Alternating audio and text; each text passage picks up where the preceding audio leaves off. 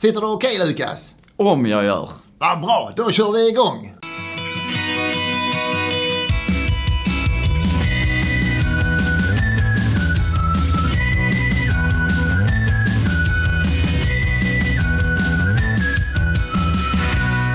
Hej och välkommen till eh, Sandpodden.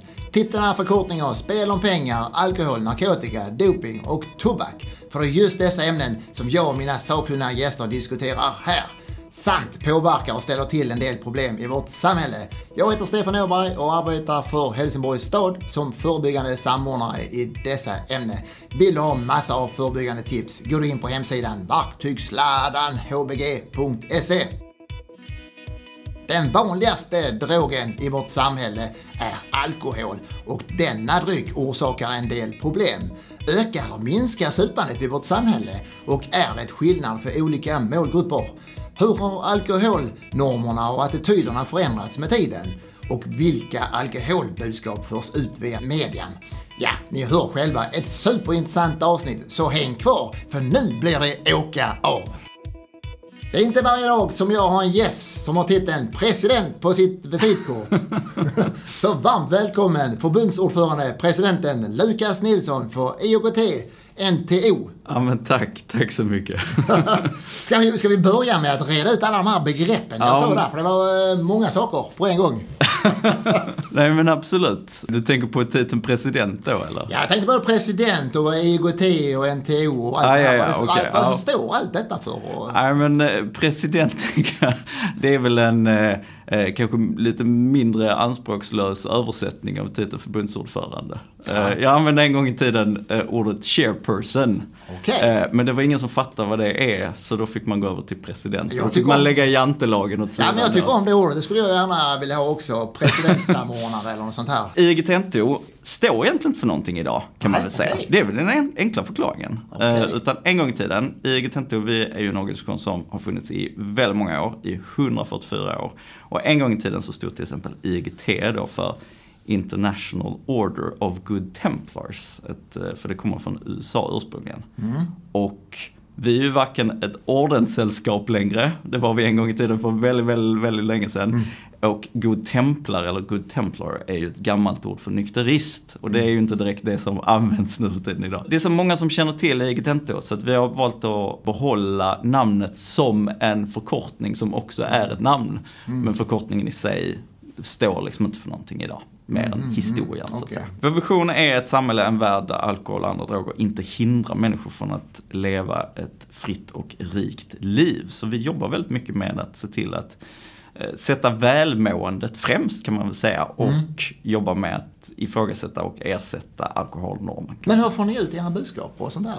Vi har ungdomsverksamhet, vi har barnverksamhet, vi bedriver politisk påverkansarbete där vi pratar med politiker och andra beslutsfattare om hur viktigt det är att ha ett alkoholglasögon oavsett om det handlar om frågor om jämställdhet, utbildning, våld, folkhälsa såklart och en rad andra olika områden.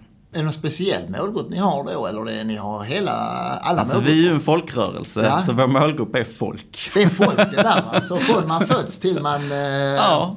kastar in handduken? Alla, alla är välkomna i våra led och eh, alla är välkomna att ta ett samtal med oss. Jag tänkte på dagens ämne, alkohol har ju använts en längre tid, både som eh, ja, berusningssyfte och smärtbehandling och desinficeringsmedel. Ja, det är ett svårt ord man halkar på.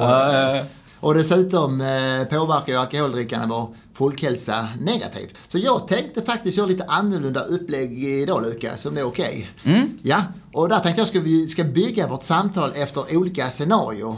Men känns det okej? Ja, kul! Ja, spännande. Ja, ja, jag, Ja. jag är på. Du är på, du är på. Yes, Okej. yes. Och då tänkte jag att vi skulle eh, åka på ett föräldramöte. Det är alltid kul att vara på föräldramöte. Mhm, ja, på gymnasieskola. Just det. Och eh, sen efter det så tänkte jag att vi skulle ta cyklarna och cykla vidare på en AV. AV efter föräldramötet? Efter är det med de här föräldrarna. vi ska Nej, föräldrarna får vi inte vara med. De får stanna kvar där va. Men nej, kanske någon. Man vet Ja, aldrig. Vi ja, får, ja. vi får se vad det leder till. Just det. Ja, men vi kör. Och vi har blivit inbjudna på att svara på eh, alkoholfrågor på ett föräldramöte då. Intresset är stort och vi är taggade. Så nu befinner vi oss där och vi är välklädda och vattenkammade och fina. så, så jag inleder, inleder med att berätta att alkohol har funnits en längre tid i vårt samhälle och alkohol påverkar alla funktioner i kroppen. Framförallt påverkas ju hjärnan negativt ju. Och eh, motoriken, problemlösningar och tänkande och sinnesstämningar och känslor försämras. Och det är ju kanske ingen nyhet för eh, alla föräldrar som sitter där. De sitter och nickar fint och, mm, eh, mm. och det är ju tacksamt. Så en tacksam publik vi har. Efter jag har pratat ett tag så är det en ivrig förälder då som frågar då Dricker inte ungdomar och vuxna mer idag än för 20 år sedan? Och så tittar jag på dig. Vad svarar du på en sån fråga? Ja, men jag skulle säga att det är en ganska vanlig föreställning. Vi har ju ja. liksom en bild i samhället som jag tror har funnits i all modern tid. Att dagens unga, de är liksom värre än det någonsin har varit. Men det stämmer ju inte. Alltså alkoholkonsumtionen har gått ner och den har inte bara gått ner lite grann. Den har gått ner drastiskt. Om man jämför med när jag var liksom i den åldern så är tre av fyra liksom ölar, eller vad man ska säga, dricks inte längre jämfört med hur det var när jag var ung. Mm, eh, vilket mm. ju bara var en 15-20 år sedan när jag var i liksom den åldern. Ja. Jag brukar säga att det är inte mindre än en alkoholkultursrevolution som vi lever i. Där unga dricker väldigt mycket mindre än vad vi kanske tror och förväntar oss. Men det betyder inte att det inte finns problem och det betyder inte att det är i vissa specifika grupper eller vissa sammanhang eller vissa klasser eller vad det nu kan handla om så kan det lokalt sett finnas jättestora utmaningar och jättestora problem. Mm. Men generellt så är trenden otroligt positiv när det gäller alkohol. Det har gått neråt ja. Och det vet jag CON brukar eh, komma ut med Centralförbundet för alkohol och narkotika. De har ju sådana här årliga undersökningar ju. De, mm. de visar ju också det. Och... Är, är det likadant för eh, vuxna och ungdomar? Att det går ner även för vuxna? Så inte bara ungdomar?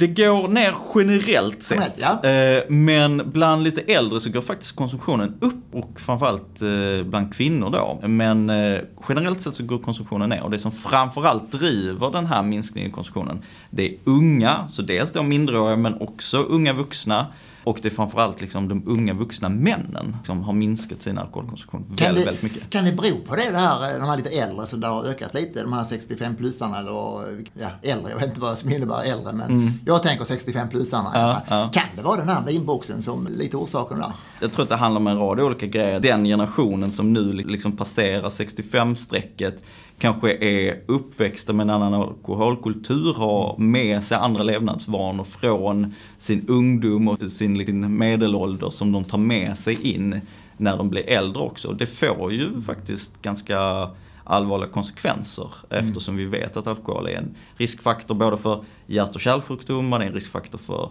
cancer och en rad andra olika, både sjukdomar och andrahandsskador. Men jag tänkte på om jag vänder frågan, det har ju minskat för de flesta grupperna som sagt. Mm, mm. Har du någon teori vad det kan bero på? Alltså det, det, det, är komplext. Det finns tusen och tusen olika anledningar skulle jag säga. Jag tror att ja. en anledning idag till exempel är att föräldrar tar ett helt annat ansvar mm. än vad de gjorde för 15, 20, 30 år sedan. Jag tror att det handlar om att eh, vi umgås på ett annat sätt. Jag tror det handlar om att vi har en annan syn på alkoholkulturen och att det inte är så himla ja. trevligt att um, liksom bli dyngrak. Nej. Det är inte lika accepterat i samhället. Men framförallt tror jag att vi, vi umgås på ett annat ja. sätt. Jag tror att vi sätter upplevelsen och relationerna mer än fyllan i fokus mm. när vi gör saker tillsammans. Mm. Kan det vara så också att de här skärmtiden och att man tänker mer att man ska vara hälsosam, kan det spela in också kanske? Jag tror att hälsotrenden absolut det, spelar ja. in. Men det här med skärmtiden vet jag inte om det gör det faktiskt. För att vi kunde se till exempel i USA när det var sån här lockdown och folk mm. stannade inne väldigt mycket mer. Då gick ju alkoholkonsumtionen mm. upp för att man började liksom ensam dricka och man började dricka framför skärmen så att säga.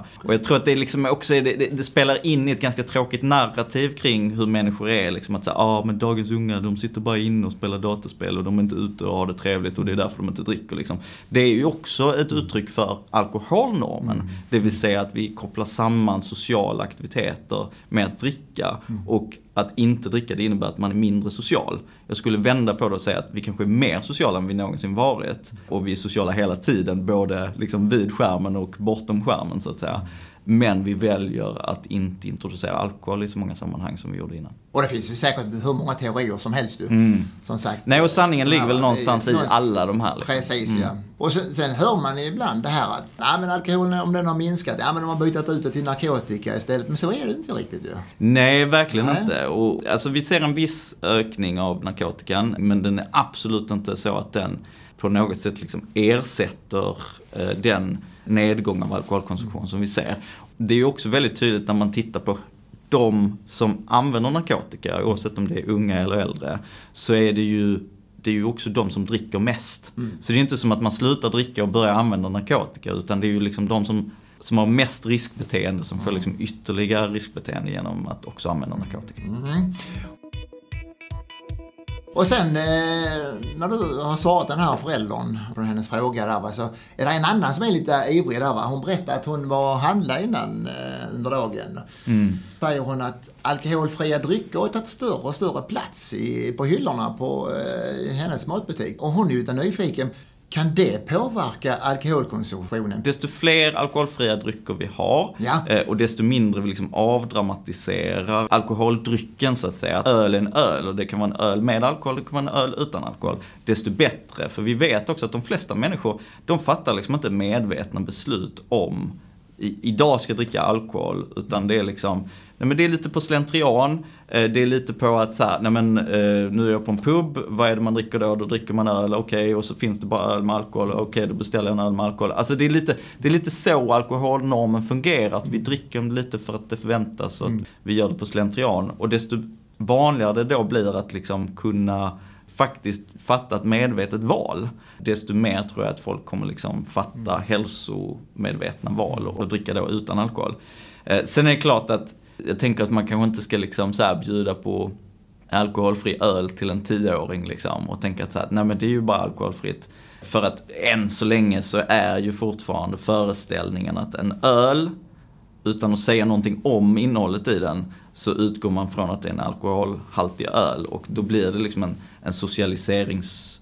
Att man liksom lär sig att dricka öl vid ung ålder kanske inte nå- det bästa. Men jag tror i grund och botten så är det jätte, jättepositivt att alkoholfria drycker Ja, för det känns som att de tar lite större plats. Och det är säkert inte bara i mataffärerna. Jag tror även på krogarna. Mm, det tror jag säkert. Ja. Att det säljs bättre och att det går framåt. Och det märker man också, jag som är nykterist, jag märker alltså utbudet när man går ut på en restaurang eller på en pub eller en klubb idag jämfört bara för 10-15 år sedan är ju, alltså det är ju natt och dag liksom. Och, och det måste ju finnas för att det finns en marknad tänker jag. Att det finns folk som faktiskt efterfrågar det här och att folk faktiskt köper det här. Så det är jättekul att se. Och det finns ju även andra sorters drycker utan, det heter öl Mm. välja mellan. Så, eh, där är en annan ivrig person i publiken. Mm. Så, ja, så jag får hålla i henne nästan. Eh, Men hon, hon, hon blir nästan lite upprörd när vi har stått där och pratat ett tag. Och, eh, hon säger, men eh, hur ska jag som förälder då kunna påverka min ungdom att ta kloka beslut? Gällande då eh, alkohol. Va? För eh, nu är ju de här går på gymnasiet så då, då utgår jag från att de är mellan 16 och 19 år. Mm, och det händer ju ibland att den här åldersgruppen eh, dricker alkohol också ju. Mm, så eh, vad ska man säga till den här eh, ivriga mamman? Nej, men jag, tror att, jag tror att det finns jättemycket man kan göra innan man liksom kommer till den punkten då man säger så här, men du måste fatta kloka beslut.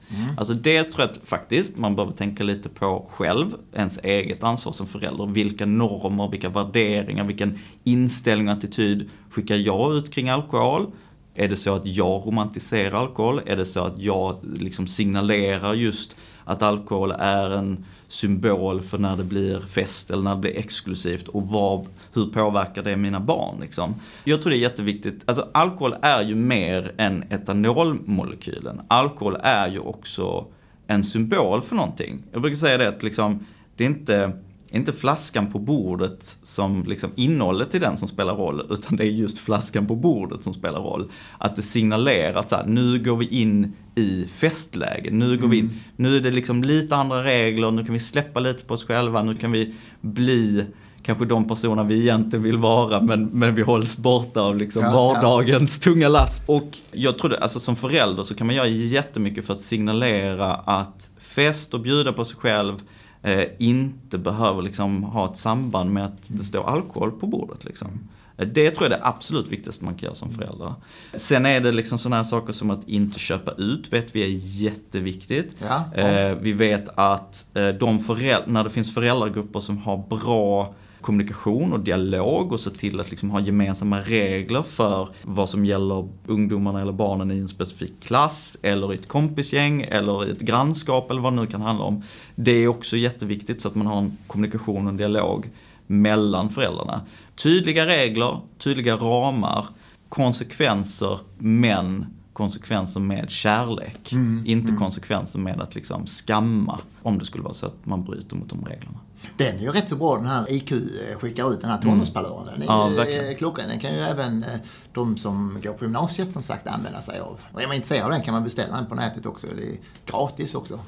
Gratis kan vara gott ibland. Och sen tänker jag, det kan väl vara klokt också det här om nu eh, sin ungdom ska iväg någonstans. Både man hämtar och lämnar för då får man ju en liten eh, extra koll ju. Ja. Nej, och framförallt då att man har en dialog då med de andra föräldrarna. Alltså vilka Precis. regler är det som gäller, hur ser det ut och att man har en kommunikation ifall det skulle vara så att ungdomarna inte håller sig till de här reglerna. Eller att man, man också tar ansvar, inte bara för sitt eget barn utan också för grannens Precis. barn eller kompisens barn eller eh, klassförälderns barn eller vad det kan handla om. Är det mycket grupptryck annars? Det är ju det. Alltså vi vet ju det att de allra flesta som testar alkohol, de, är ju inte, de gör ju inte det för att de liksom fattar ett rationellt beslut. Så här, Nej. mm, nu ska jag dricka alkohol. Utan man gör det för att man vill passa in, för att man vill känna sig del av ett sammanhang, för att man vill känna sig en del av en social miljö. Och det gäller ju även i vuxen ålder. Alltså, det är ju jättemånga människor. Jag gjorde en studie för några år sedan som Ja, visade att ja. en miljon människor, vuxna människor, i Sverige dricker alkohol trots att de inte vill. Och de flesta av de här, när man frågar varför, så svarar de att Nej, men de är rädda för att om jag inte skulle dricka alkohol så skulle jag känna mig utfryst eller inte del i ett sammanhang. Så det är en jätte, jätteviktig Ja. del. Därför är det så viktigt att vi från vuxenvärlden dels signalerar att alla är välkomna oavsett vad de har i glaset. Festen är oberoende av spriten. Ja. Alltså att bjuda på sig, att, nej, precis. Att bjuda på sig själv, att dansa, att ha det trevligt, att visa sina känslor. Det har liksom ingenting med vad du stoppar i kroppen att göra, utan det sitter i huvudet. Jag tror säkert de flesta föräldrarna tycker det är okej om nu ungdomen känner sig pressad av grupptrycket, att de skyller på dem. Skyll på föräldrarna eller något sånt här, att du inte får dricka. Skulle kunna vara en, en variant. Om, Nej, man känner sig, om man känner sig trängd. eh, Exakt, och det vet vi ju också att de flesta unga, de vill ha tydliga ramar, de vill Ja. ha tydliga regler. De vill inte ha föräldrar som säger, ja men drick du om du vill, det är upp till dig liksom. Utan de vill ha Tydlighet är bra. tydligheten. En sak jag kommer att tänka på här nu, den här som går just nu på, eh, på TV, den här reklamsnutten där som Systembolaget gör, den här No No. Mm. Den är faktiskt jäkligt bra tycker jag, att, det här, att, att inte köpa ut. Titta på TV på Ja. hur länge som helst där. Okej, ja, men, men, men, jag får titta på det. Men det är ju det, det är jätteviktigt att man inte köper ut. Ja. Eh, För att det vet vi också från studier att de föräldrar som köper ut, då kanske man tänker så här, "Nej, men om jag köper ut och vet de, då kanske de dricker det här då eh, och sen så kanske de inte dricker mer. Men konsekvensen är tvärtom, de dricker mer. Börjar föräldramötet närma sig sitt slut här och eh, då, då är det kaffe för oss ju och en liten bulle. Vi hann inte med det när vi kom dit, vi hade lite brått dit så eh, vi missade den så vi får ta den i efterhand Mm. Ja, istället. Ja. Och då när föräldrarna är på väg ut då, alltså, då, då stannar en förälder till då framför oss och säger, lite brodus tycker jag faktiskt om jag ska Ja. vara ärlig, så eh, säger hon att kaffe har ju likhet med alkohol ju. De flesta som dricker dessa produkter tycker inte det smakar bra i början. Eh, vad är det som händer sen av att man dricker? För det är ju, många flesta tycker inte det är gott i början och sen så Mm, dricker de det då, som det är kaffe eller det är alkohol eller vad det är för något. Ja, men jag tror att det finns en kategori av människor som, som verkligen älskar hur alkohol påverkar dem. Mm. Alltså det har man hört, inte minst i de historierna, de liksom livsöden som har kommit sen, där det visar sig att det liksom utvecklas till ett missbruk eller beroende. Det behöver inte leda till det, men, men det kan leda till det. Och det är ju de här som verkligen älskar ruset, som känner att äntligen så jag, kan jag vara mig själv, äntligen kan jag vara trygg i mig själv. Och det handlar kanske i grund och botten om en otrygghet i sig själv, alltså en, kanske psykisk ohälsa eller att man liksom dåligt självförtroende och att det är det som gör att liksom alkoholen blir liksom en ursäkt att, att känna självförtroende. Det låter lite konstigt Ja, men, men det blir ju, blir ju så på något sätt. Så det är ju den kategorin. Men sen handlar det väl också väldigt mycket om att vi lär ju oss, alltså från väldigt tidig ålder, alltså det finns ju fler barn idag i Europa som känner till fler alkoholmärken än de känner till liksom, eh, godis och kakmärken. Ja, ja. Och det säger en del när liksom, treåringar vet vad Jägermeister och Ja, sånt är. Alltså vi lär ju oss från en, från en väldigt, väldigt tidig ålder att associera alkohol med fest och kul. Och det är väl också det som händer att när en ungdom, alltså det är ju kul att gå på fest liksom. Mm. Och om man då tror att gå på fest är samma sak som att dricka, då kommer man ju dricka för att det är vad man gör på en fest och Mm. det är kul att vara på fest. Liksom. Eh, Så det är därför det är så viktigt att vi just pratar om alkoholnormen och, och faktiskt pratar om alkoholens genuina effekter på kroppen. Mm. För att vi tillskriver också alkoholen jättemycket egenskaper. Att vi blir mer sociala, att vi blir mer roliga, att vi bjuder mer på oss själva. Fast det egentligen handlar mer om att vi liksom går in i festmode i vår hjärna på något sätt. Och att det är ganska mycket placeboeffekt i, i alkoholen. Sen kan man ju se vissa personer också att de, de fastnar i det här beteendet och vissa gör det lite då och då. Va? Och Vissa blir stupfulla och vissa dricker lite. Så det finns ju alla varianter av Nej men verkligen, verkligen. Men det är ju många som använder, det är många som använder alkoholen som en, en krycka lite grann. Ja, ja. För att de kanske egentligen har, ja men de kämpar med dåligt självförtroende, dålig Mm. självbild. Eller liksom känner att alkoholen ger dem en arena att agera på ett sätt som de annars inte skulle göra. Mm. Positivt och negativt. Alltså det kan ju vara alltifrån att man vågar flörta, Mm. vilket är ju jättepositivt. Att man vågar berätta för, för den man liksom är intresserad av att man är intresserad. Till eh, negativt att man då kanske Mm. börjar ja, bli våldsam eller Men hur mycket tror du eh, individen reflekterar över sin alkoholkonsumtion? Väldigt lite. Det tror, du? Alltså väldigt lite Ja. tror jag. Det kan vi också se i studier att de flesta liksom går Alltså de flesta dricker ju på slentrian liksom. Mm. Det är ganska få personer i samhället. Jag gjorde en liten en undersökning för ett par år sedan som visade att det är ungefär 15-20% av befolkningen som är liksom genuint alkoholpositiv. Som, som tycker Ja. om alkohol, tycker, liksom romantiserar alkohol. Och sen så finns det en, en stor grupp som, som är negativa. Men den största gruppen är ju mitt emellan. Som är lite såhär, nej men det är väl trevligt men det är också problematiskt. Men det är liksom, om jag blir bjuden så dricker jag. Eller när man går på en middag då är det klart att det ska vara vin. Alltså, man, man Ja, dricker ja. på slentrian. Man dricker för att det är det vi har lärt oss att det är så det ska vara. Det är klart att liksom, det, jag brukar jämföra lite med liksom hur det är med kött. Liksom. Jag, ja. jag äter ju kött men jag dricker inte alkohol till exempel. Och att det är så här, när jag tänker Ska den på... vara blodig eller den ska vara eh, eller? ja, men den ska vara... Well done. Well, nej, men jag, jag, jag tycker att den ska vara... eh, Den ska vara den, ska vara den ska vara blodig. nej, men så här. eh, Och tänker jag på hur det är att gå på en, en grillning, en Ja, grillfest. ja. Liksom. Det första jag tänker är ju liksom köttet. Mm. Klart man går på en grillning så ska det vara kött. Kanske man kommer och så kanske den man går till är vegetarian och gör en fantastisk liksom, halloumiburgare eller vad det nu handlar om. Liksom. Och så är det jättegott och så är det inga problem och jag blir inte besviken eller ledsen. Men det är inte det jag tänker på och om jag hade gjort liksom, en grillfest då hade jag tänkt kött direkt. Liksom. Jag tror att det är väldigt mycket det, att vi lär oss socialiseras in i att liksom, alkohol alltid ska vara med i olika sammanhang och sen reflekterar vi inte så mycket över det. Ja. Nej men jag tycker föräldramötet, vi är klara där och, eh, och nu tänkte jag det är dags att cykla vidare. Så Ja, nu, ja, nu så. Nu är det dags för AB och föräldrarna, det var faktiskt inga som skulle, de skulle hem till sina ungdomar. Nej. Ja, så eh, vi åker ner i alla fall. Men det, när vi kommer fram till den här eh, puben då i alla fall, det är ganska mycket plats och vi får tränga oss in där och, och vi får dela bord med ett festglatt gäng. Men efter en stund kommer en i deras sällskap fram med en bricka, som man ser emellanåt, med massa shotglas då va. Och så säger han med en barsk röst, nu tömmer vi glasen på fem snabba. Alla tar varsitt eh, shotglas och sveper, förutom en person då. Och då säger eh, en av sveparna då till den här personen som inte drack. Vad fan dricker du inte för? Och då, då är jag ju lite blygsam av mig för jag blir nästan rädd för den här killen som skriker. Va? Så, så jag lutar mig till dig Lukas då. Är detta vanligt det här? Va, vad svarar du på detta? Alldeles för vanligt. Är det. Alldeles Det är det, för vanligt. ja. Jag, tror att, jag tror att den här situationen, tror jag att alla har varit med om. Ja. Mm. Någon gång i livet. Vissa mer än andra såklart. Men alldeles vanligt. Och det är också väldigt tydligt just det att du säger Stefan, att i det här scenariot att det är just en man Ja. som hetsar. Att det är ju också det. Alltså det är ju någonting inbyggt i liksom den manliga våra manliga föreställningar. Att man ska, man ska vara en riktig man, man ska ta sig ett järn liksom. Nej, vad fan, var en man, drick upp liksom. Och... eh, För det är väl inte lika vanligt att kvinnor säger det här med? Ja, jag tror att det blir vanligare och vanligare. Vanliga, för det är ja. det vi ser också att liksom kvinn, alltså innan har ju, män har ju alltid druckit mer än kvinnor och så är det ju fortfarande. Men det närmar ju sig. Det blir ju Mm. mer och mer jämställt så att säga på det också. Det innebär ju att eh, även om alkoholkonsumtionen går ner så går ju liksom kvinnors alkoholkonsumtion relativt mäns upp så att Mm. säga. Så jag tror det blir vanligare och vanligare där också, tyvärr. Men det är ju just det här med att alkohol normen är så stark. Ja. Och den också handlar om att få andra att dricka. Mm. För att är du inte med i vår gemen... Alltså, för att vara del av vår gemenskap så måste du inmundiga den här drogen. Mm. Vilket är, när vi tänker på det, alltså, hur jävla sjukt Ja, är det inte? ja. Alltså det är så galet att vi ska sitta här, vi ska ha trevligt. Och för att du ska ha trevligt med mig så måste du dricka Ja. en drog. Och det, kan, liksom. det är inte lätt för en del kan jag tänka mig. Så vad har man för råd till den här personen? Vad skulle man kunna göra den här?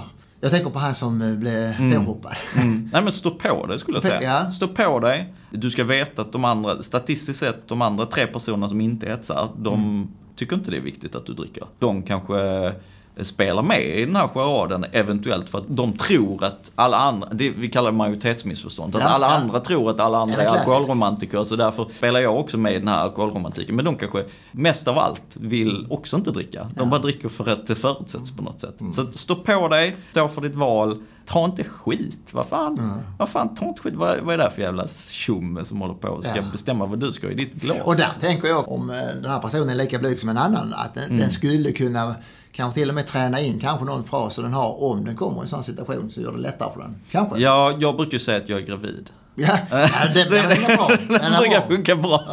Den funkar i alla lägen. Nej men, men det är klart, det är klart om man inte om man behöver liksom ha en ursäkt så är det väl alltid bra att ha det. Men, men jag tycker att det är ändå viktigt, alltså om man kan stå på sig så ska man stå på sig. Om inte för sin egen skull, så för andras skull. Ja. För en dag så kommer det sitta en person, där den här personen som hetsar, en person som verkligen inte borde dricka. Som kanske Precis. kämpar med ett missbruk, som kämpar med ett beroende, som kanske precis liksom tagit steget att sluta dricka och nu tar sitt återfall på grund av att den personen känner sig ensam och känner sig exkluderad för att inte få vara del i gemenskapen. Så att om du kan så stå upp för, för dig och stå upp för andra. Det skulle kunna vara så, om man nu har bestämt sig att man ska inte dricka i den här lilla, det här lilla gänget som sagt. Om man vet om att frågan kommer. Man kanske skulle till och med ta hjälp av en kompis av det här. För det är precis som du sa att alla tror jag inte vill hetsa där. Så skulle Nej, man, om man känner sig eh, lite oh shit, så kan det vara en, en annan person som hjälper en. Nej men verkligen. Och jag brukar, om jag går ut och går på en bar eller något med eh, lite folk och, och jag vet att de andra dricker, så, då brukar jag alltid vara väldigt noga med att vara först med att beställa. För att jag vet att bara genom att jag beställer någonting alkoholfritt så gör det att andra människor som kommer efter kommer känna sig mer bekväma med att beställa alkoholfritt. För att det kanske egentligen är det de vill ha.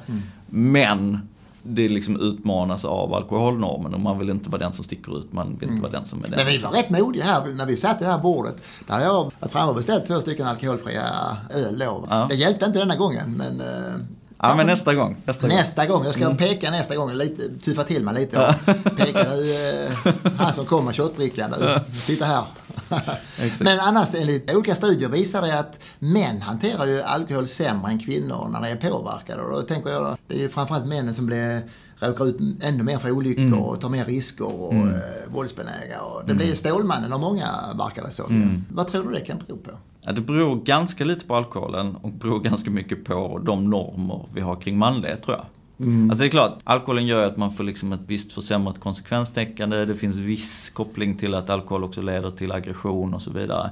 Men skulle det vara så starkt så skulle vi ju se samma tendens hos kvinnor och det gör vi ju inte. Nej. Alltså det är klart att det också Lite finns... mer disciplin verkar det som. ändå. Ja, eller det, det, det, jag, jag vet inte om det har med disciplin att göra. Jag tror det har att göra med könsrollerna vi gör. Ja. Alltså alkoholens fysiologiska egenskaper är ju att man blir trött, sluddrig och liksom lite dum i huvudet om man säger så. Ja, ja, men- alltså så. det är ju naturligtvis konsekvens, eller effekter av alkohol. Men så vi använder alkoholen är ju också otroligt kulturellt betingat. Och om vi då har ett samhälle som säger att det är mer okej för män att bruka våld, det är mer okej för män att till exempel kladda eller liksom olika sexuella övergrepp på kvinnor. Och att det också är mer okej att göra det när man är full. Då öppnar det ju upp för den typen av beteenden. Då öppnar det upp för den typen av att man går över den där gränsen.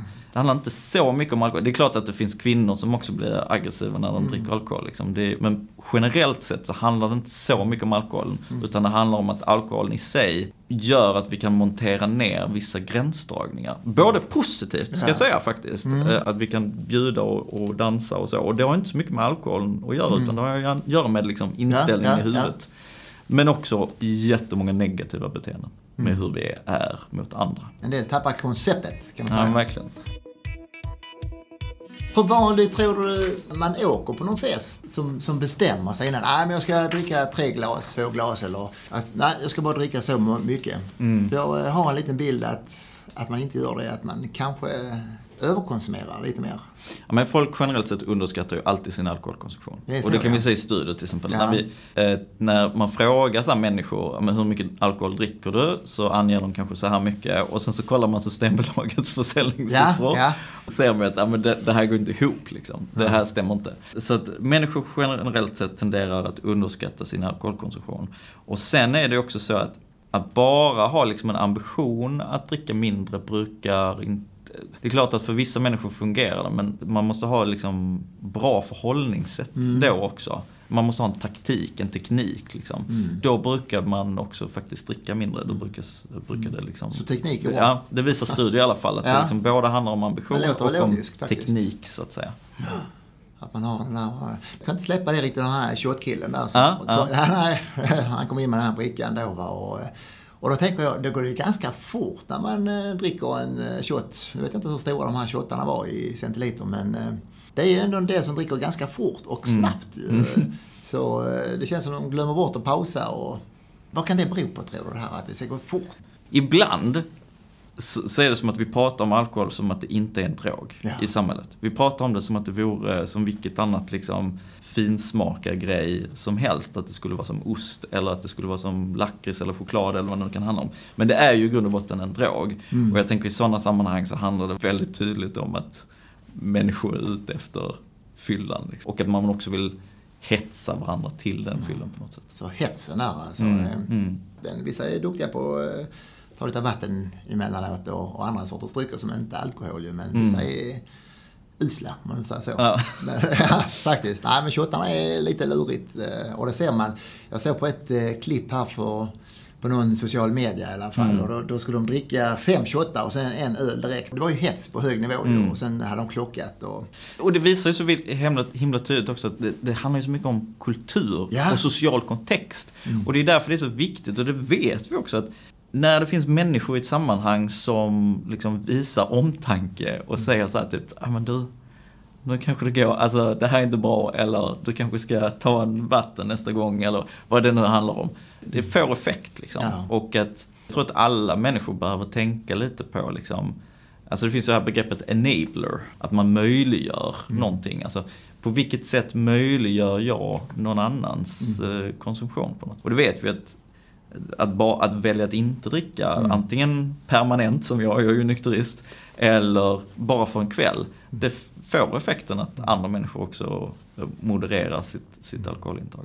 Bara Ja. att inte dricka. Liksom. Ja, jag vet vi i Helsingborg, och det är inte bara Helsingborg som gör detta, vi försöker Mm. trumma ut det här eh, budskapet med Branna vattnen som har funnits Mm. i, ja det måste vara över 20 år, det kommer från Gotland tror jag Mm. från början. Men eh, vi kör det ganska eh, ofta här som sagt på studentbal och när det är studenten och festival och sånt här. Va? Mm. Och då söker vi föra ut budskapet för de som ska dricka då, då tänker vi 18-plussarna. Och Att man ska kunna dricka smartare och, och detta bidrar till mindre fylla och, och försöka lyfta de alkoholfria alternativen. Det tycker jag är bra och det är ett bra budskap. Kommer du till Helsingborg i sommar så på HX-festivalen så ser du mig. Ja. Jag har på den här snygga, jag har en snygg tröja också på mig här.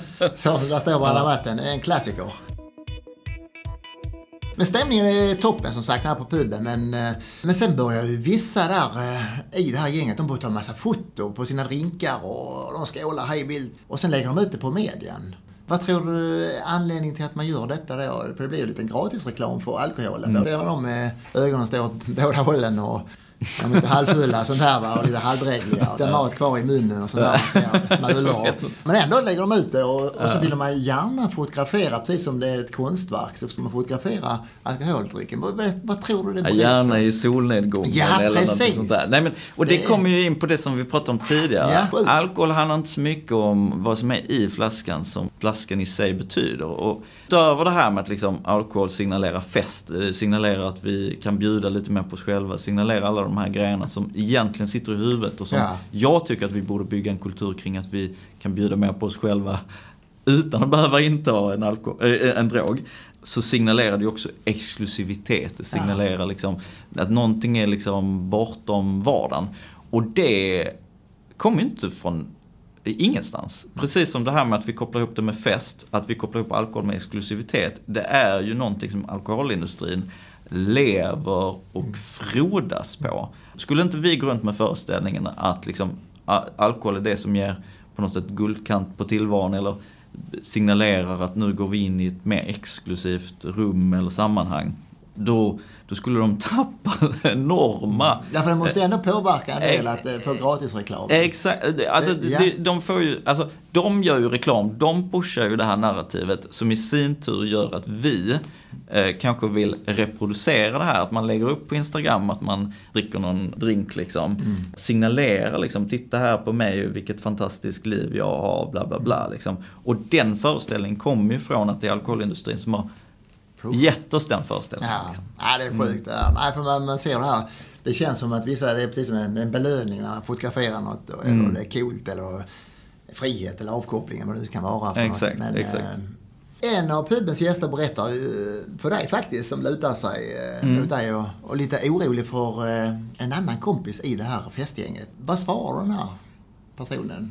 Att den är orolig för en annan som dricker Nej, lite men- för mycket kanske? Och lite, Nej men jag skulle säga att eh, ta samtalet. Ingen har någonsin tagit skada av att någon har visat omtanke för den för det är personen. omtanke ju. Det handlar om omtanke, Ja. det handlar om att du bryr dig, det handlar om att du ser, det handlar om att du är orolig. Det ska du uttrycka. Sen hur du uttrycker det. Det finns massa material. Tankesmedjan IQ har ett material som, jag kommer inte riktigt ihåg vad den heter nu, men det heter någonting typ så här alkoholsnacket eller Okej, någonting ja. sånt. Som är ganska bra, som handlar om så här, hur ska du prata med en person. Så att jag rekommenderar det. Men det handlar ju också i grund och botten om att du har en relation till den här personen, du känner den här personen. Det du gör är visa omtanke. Och det kanske är fel att ta det kanske under den här eh, kvällen. Ja, jag tror, inte, jag tror att under själva kvällen så kanske det mer handlar om att bara skademinimera och minimera- att liksom ja. se till att den här personen inte skadar sig eller liksom att det händer något illa så. Men att i ett senare tillfälle ta liksom samtalet. Och det är jätteviktigt. Och vi som svenskar, vi är så himla liksom konflikträdda och Ja. vi vill inte det. Och det kanske blir, jag, jag kan inte heller lova att om du tar samtalet att det inte blir en konflikt. Eller att personen inte liksom säger nej, jag har inget problem och du är bara dum i huvudet och bla bla. bla. Det, det kan hända. Det kan hända. Men ändå är det så viktigt att du tar samtalet. För att om inte det kan vara början på den personens resa. Och även om du inte ser det där och då så kan det vara att det sår ett frö som en dag, en vecka, ett år senare börjar göra att den här personen kanske sök, söker hjälp. Så ta samtalet. Ta samtalet där Mm. va. Nu har ju till och med blivit mörkt ute och, eh, och jag börjar bli trött ju som sagt. Du också. Kan jag säga. Ja, nej, ja. nej, nu får vi jobba på eh, cyklarna igen och tänka på refrängen. Så vi, vi cyklar ju hemåt igen och då berättar jag för dig att Helsingborg har ju en populär teaterföreställning. Den heter Bengtsson på dörren. Mhm, Och den vänder sig framför allt... Har du sett den förresten? Nej, det har jag inte. Nej, här ber jag om ursäkt. Mm. men den lyfter i alla fall hur det är att kunna växa upp med missbruk i familjen. Och de vänder sig framförallt, de här skådespelarna, till eh, Ja, vad är det? Är det mellanstadiet och högstadiet framförallt? Jag tror de spelar en på gymnasiet, men framförallt den målgruppen. Tror, vad tror du att en sån här pjäs, kan det påverka ungdomarna och barnen när de växer upp, tror du? Det tror jag absolut. Jag, Ja. tror att, jag tror att det är jättebra och jätteviktigt att vi alla bygger en förståelse för hur stort problem alkoholen faktiskt är. Just nu är det väldigt mycket narkotika i ropet. Jag ska inte på något sätt spela ner problemen med narkotika för de är också väldigt, väldigt omfattande. Absolut, och vi måste göra mycket, mycket mer. Men det är ju som du sa i din, i din inledning här att det är ju fortfarande alkohol som är den absolut mest skadliga drogen i samhället. Ja, Eh, det finns samband. Alltså det är ju väldigt, väldigt tydligt. Desto större förståelse vi bygger dels för de individer som, som drabbas av alkoholens baksidor, men också för liksom alkohol som ett problem i samhället, desto bättre. Sen vet vi också att bara den typen av information påverkar inte nödvändigtvis ens egen drickande eller ens egen konsumtion. Eh, men jag tror att det är viktigt för att vi ska kunna bygga acceptans till exempel för att vi har ett systembolag som är en jätte, jätteviktig del mm. i att minska skadorna i samhället. Att människor ändå förstår varför och känner en, liksom en solidaritet med de som drabbas helt enkelt. Mm. Tiden går fort. Eh, mm. Ja, ja, verkligen. Shit vad det springer iväg. Jag tänkte, hur ska vi summera detta kort, eh, det här fina samtalet tycker du? Ja men fem av fem. Fem av fem. fem av fem. Nej men summera det som att, eh, ja men jag tycker det är jättekul att vara här. Ja. Jättekul att eh, få snacka ja, men lite allt möjligt med dig. Men framförallt ja. det, som, det som har kommit tillbaka tycker jag i det här hela tiden. Mm. Det är just alkoholnormen. Normen, och hur ja. viktigt det är att liksom vi har alkoholglasögonen på oss när vi tittar på normer. Dels i hur det påverkar barn och unga, kanske som förälder gentemot sitt barn. Men också vilket beteende man möjliggör och hur man kan vara en positiv kraft för att se till att fler människor eh, liksom mår bra och inte far illa gentemot mm. även vänner, kollegor, familjemedlemmar, människor i allmänhet i sin omgivning. Vilken kanonavslutning. Ha? Ja, Vi avslutar med en riktig spurt. Så, så eh, då får jag tacka för att du eh, kunde vara med i Sandpodden. Så eh, tusen tack Lukas. Ja men tack så hemskt mycket. Så får ni ha det så bra. Hej hej. Hej då, hej då.